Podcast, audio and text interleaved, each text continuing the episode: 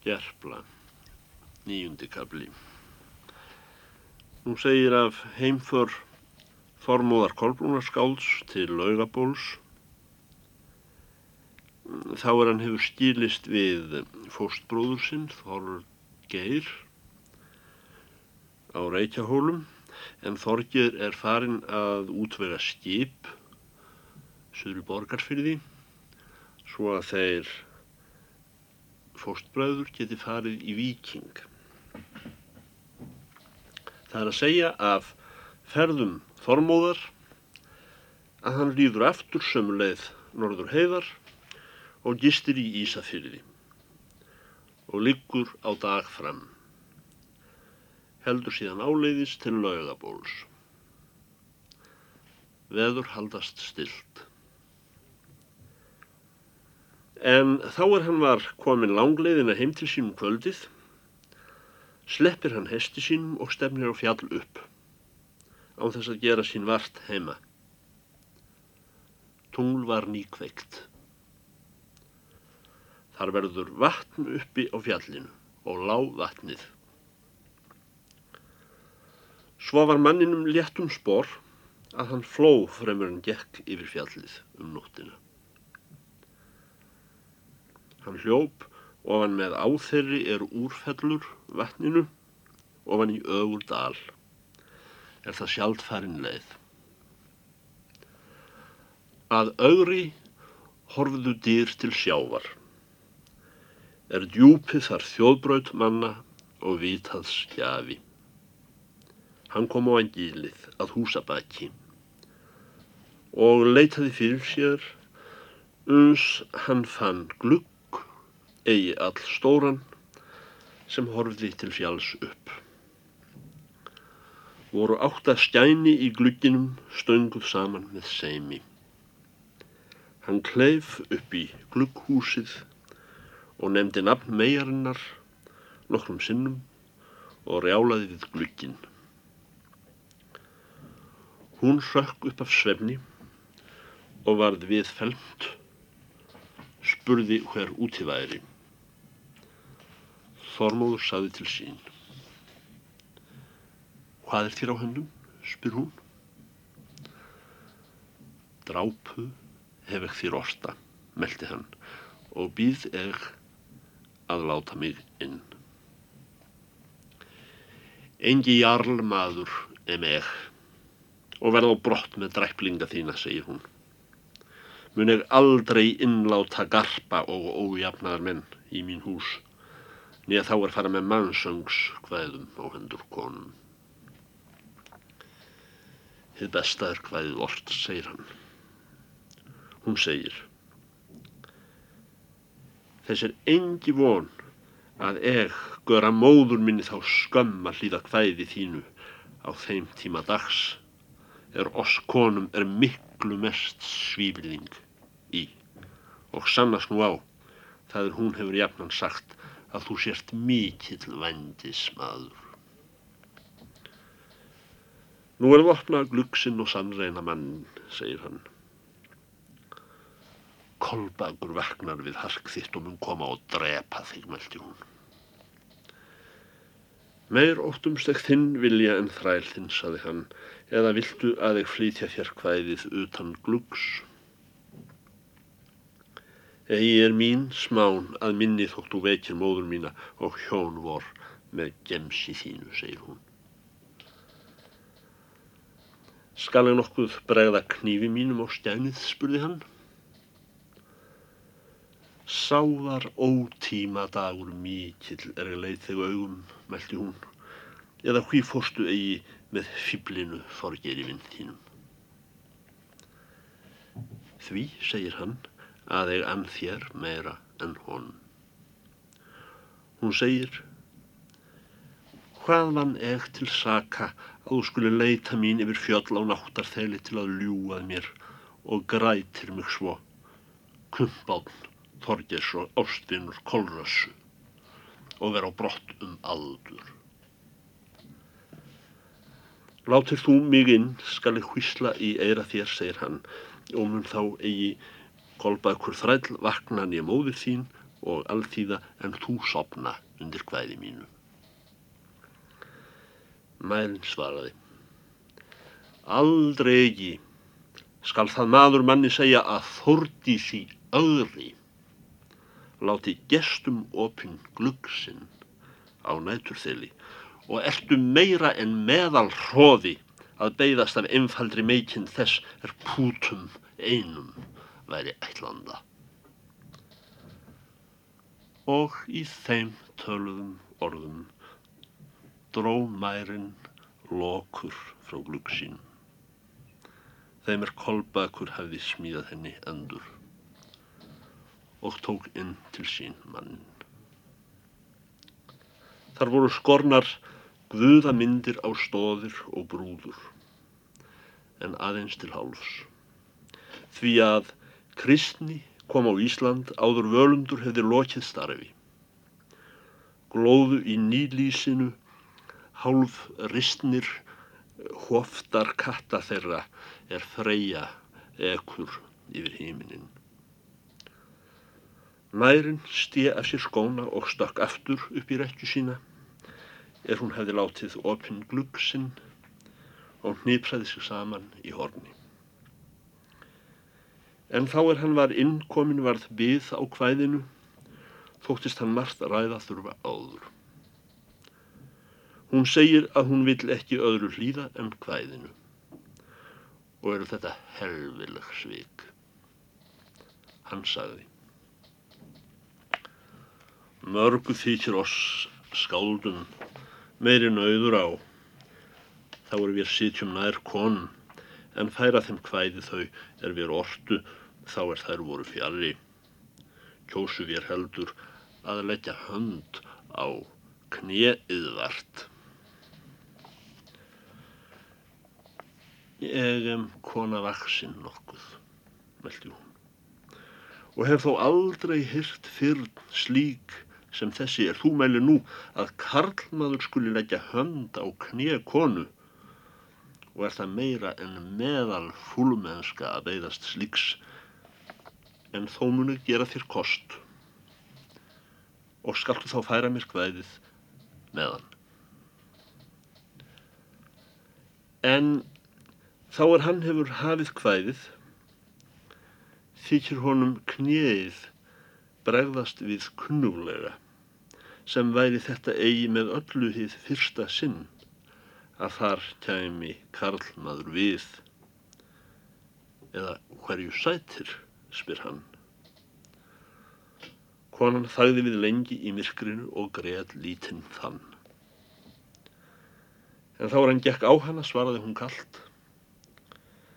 Það mun ég aldrei ekki neinum segja. Hann varð fár við og hrakk frá henni og meldi að engi maður skal trúa konum. Hún þerði augu sín með armi og handarbaki og hófst í setinu. Hví spyr þú eigi heldur hversu mér hafi þótt hvæðið, meldi hún. Sæg þú, ef þér þykir, þykir nokkurs umvert svarar hann. Þar segir minnur frá þeirri konu er glóar við hímin í svanalíki og kýs örlög góðum dreng. En kvöld ríðum þeim er leggja band við menn og hafa sér að gandi þá náttar og em eg engi slík kona. Tíundi kapli Nú sumrar og dvelst Þorgeri Hávarsinni síðra og dregst undan viking þeirra fóstbræðra. Á alþingi urðu þau tíðendi að Þorger var sóttur um vík skjelbrekkinga og helt Þorgils Arason frændi hans uppi vörnum. Fjækst Þorger eigi útlægur gör voru víinkorluð vorkunarverk er þeir feðgar höfðu unnið sér til óhelgi áður í drápi hávars. Þó skildi bæta mennin að fullum bótum og reytti Þorgils af hendi fjöðið.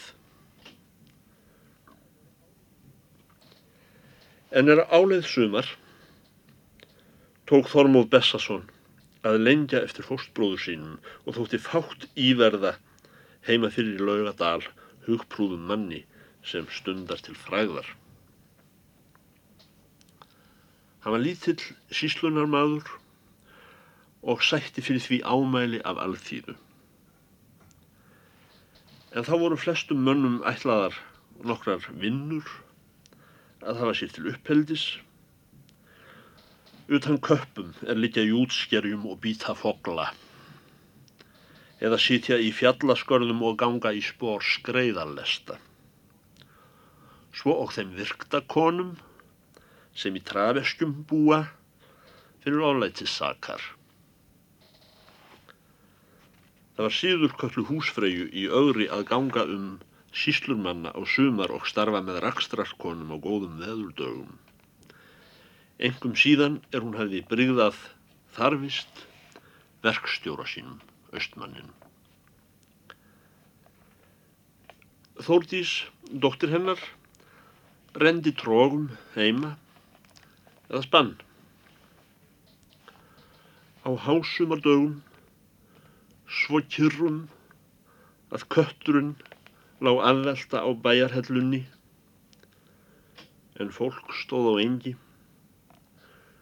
kom Þormóður Kolbrúnar skáld yfir fjallið á vit megarinnar og satt hjá henni laungum svo að eigi vissu aðrir menn hvað þau meldust við.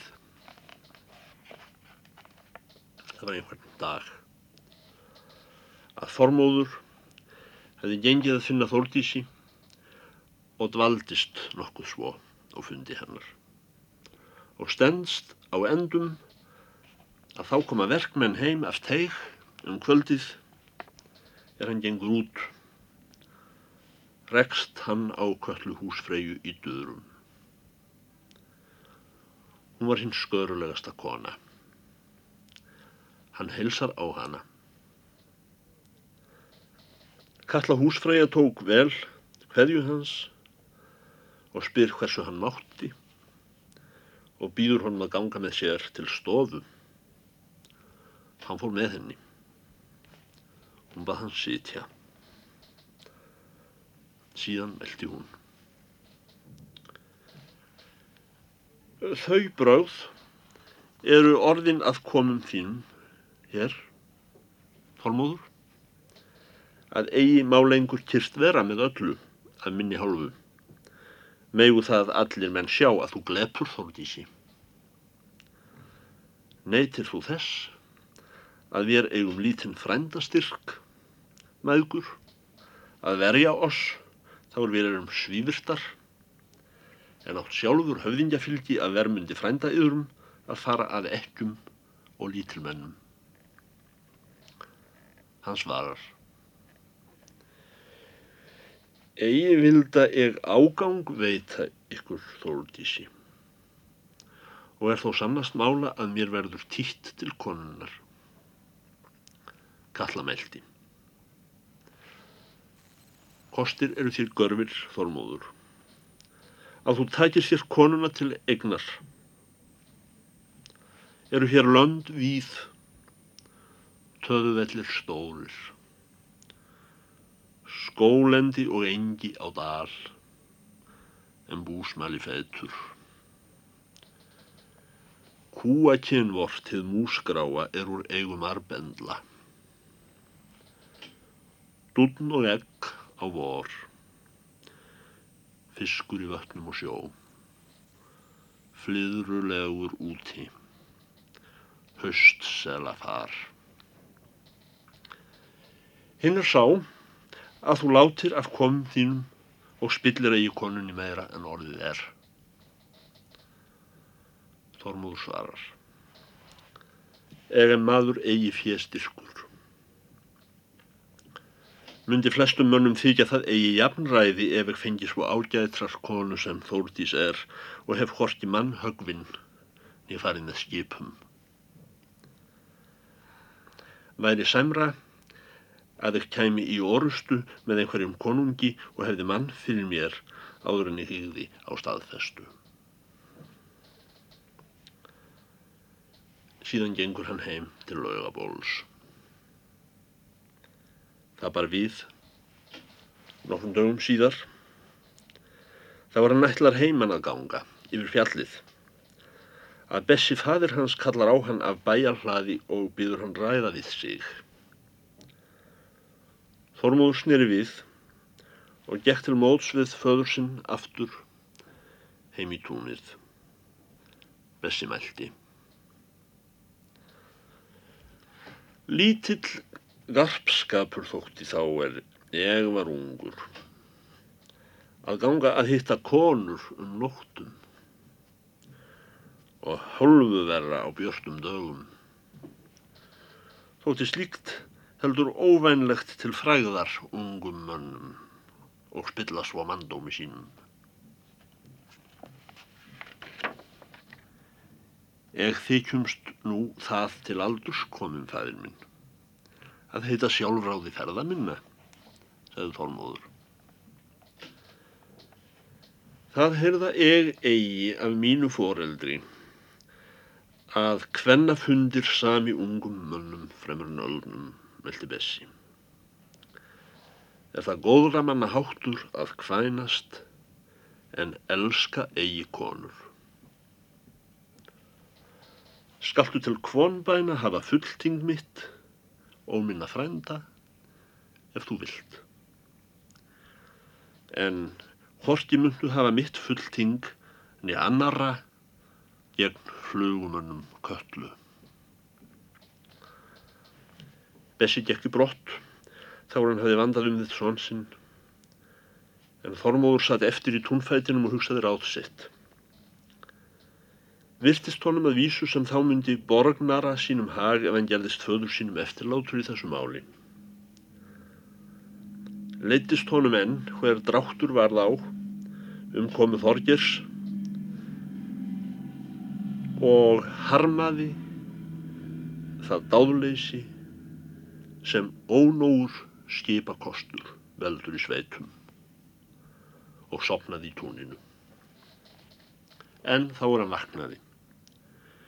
Fórunum sem laungum verður að fyrir ætlanir manna missa afl með þeir sofa var á Bessi Bondi hvergi nær nýja annað fólk og sól við útnorður til Grænalands að sjá Kýr bauluðu ellefu sinnum í rennu og er þurksviti. Þormóður tók upp öksi sína úr grasinu. Síðan stendi hann til fjalls. Það var húmað að kveldi er hann kom ofan í augurdal. Hann beð þess er búist yfir til rekna í sveitum. Þá gekk hann ofan af fjallinu. Hann kom á glugg megarinnar þá er fólk var gengið til náða. Hún gerði lausa grindina fyrir honum og hleypti honum inn. Þau meldust við lengi hljóðulega í lofti hennar. En svo brá við, það var skamlifði nætur, að riðið var úr hlaði í öðri og gól hann við. Þormóður spratt upp við jódinn og spurði hvað manna riði á þeim tíma dags. Mærin svarar, Kolbakur mun rið hafa, þræll vor, að færa veft móður minnar í mjóafjörð að heidal. Þar eru góðir vefarar, stendur þar vefur er hún á. Littlu síðar stein, sól á glugg megarinnar. Hann hvaðst heim mundu fara. Hún meldi. Eg vilda að þú færir aðra leið heim til þín laugaból, gengir fyrir innan víkina undir hlýfinni, en eigi fjallið.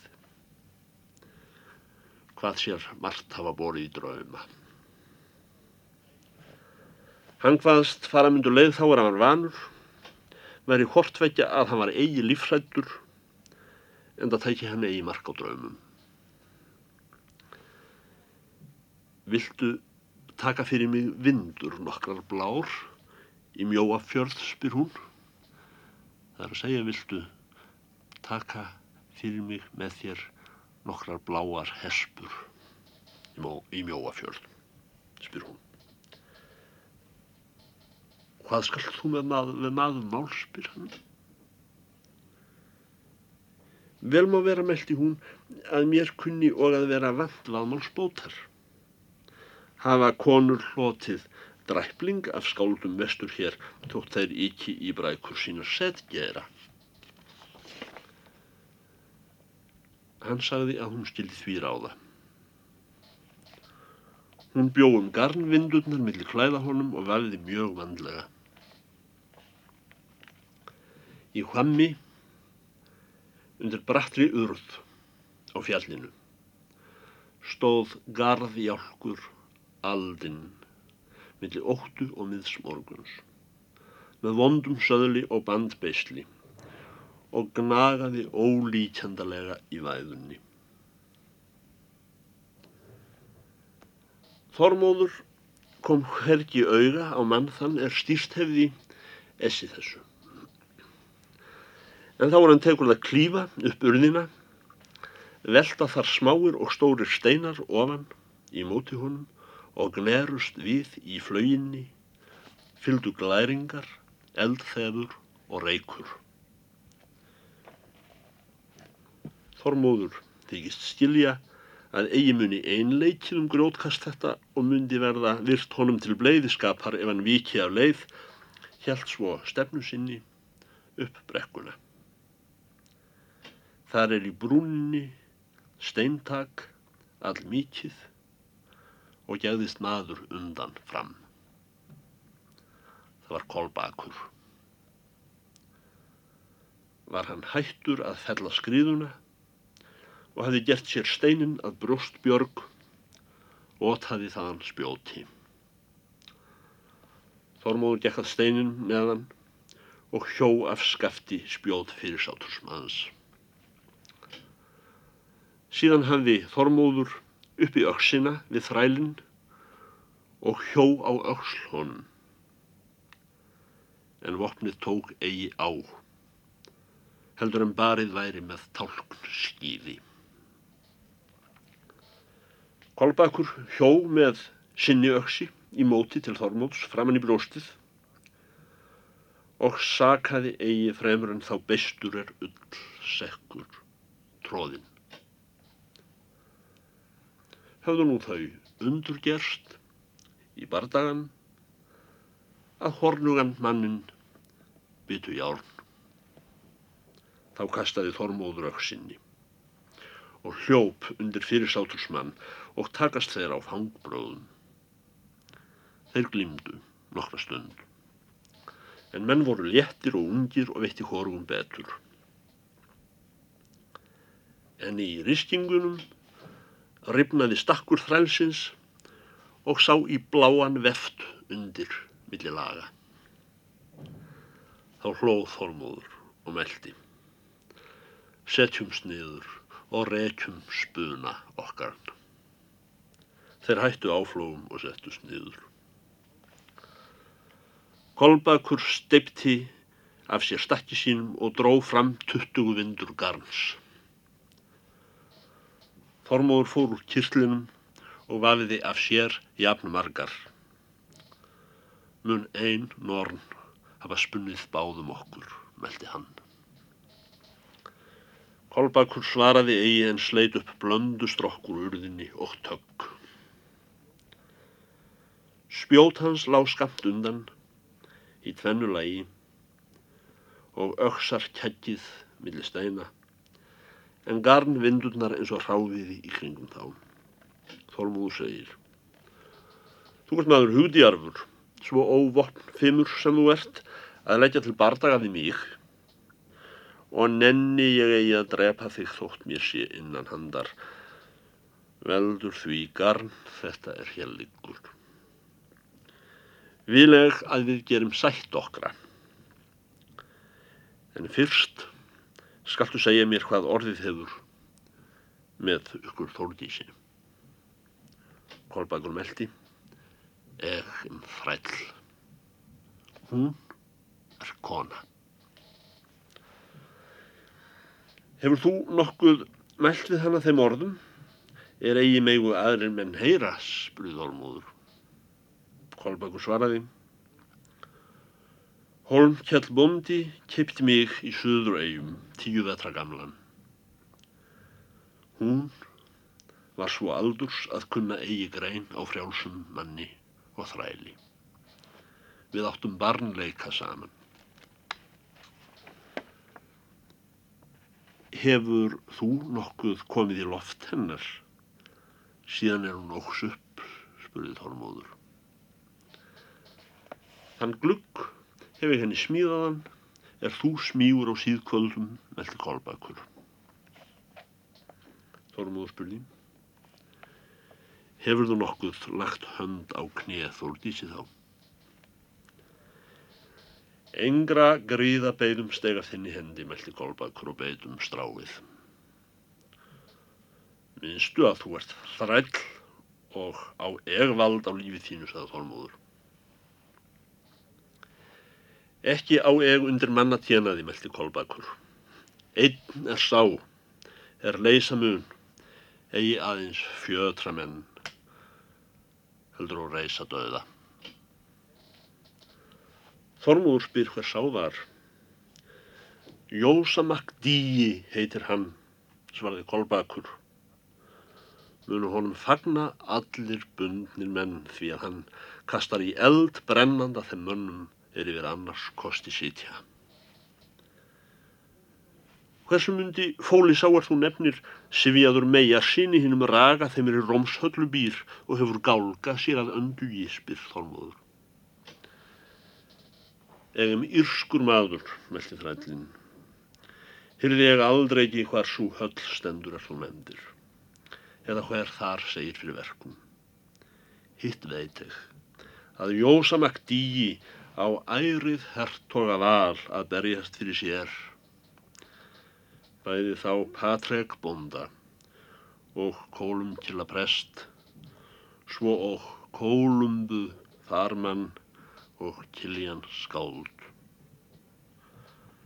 Gnæfa hans hákrossar, fagur skrifaðir og var fjöllum, það er að segja, gnæfa hans hákrossar með fögru útflúri og var fjöllum míns heima á Írlandi.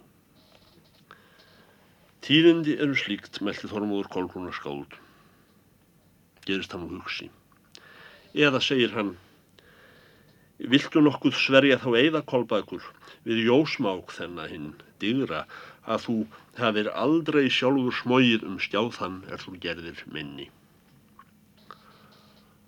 Högðu hér þræl hennar ef þú vilt, meldi kolbakur og mun eg upprýsa konungur hennar. Þormóður Kolbrúnar skáld horfi á þrælinn lengi undrandist því líka orðræðu. Síðan stóð hann á fætur senlega og var þreyttur. Hann meldi eigi fleira við þrælinn en gekk af stað heimleiðis, let liggja þar öksi sína. Eftir satt þrællinn á steini og tökk strá, lágu fyrir fótum honum bílaus vopn þeirra og vindurnar blá. Þá var Þormóður var úr auksín, stóð þrællinn á fætur og týndi saman spunan úr urðinni og laði á bak sér.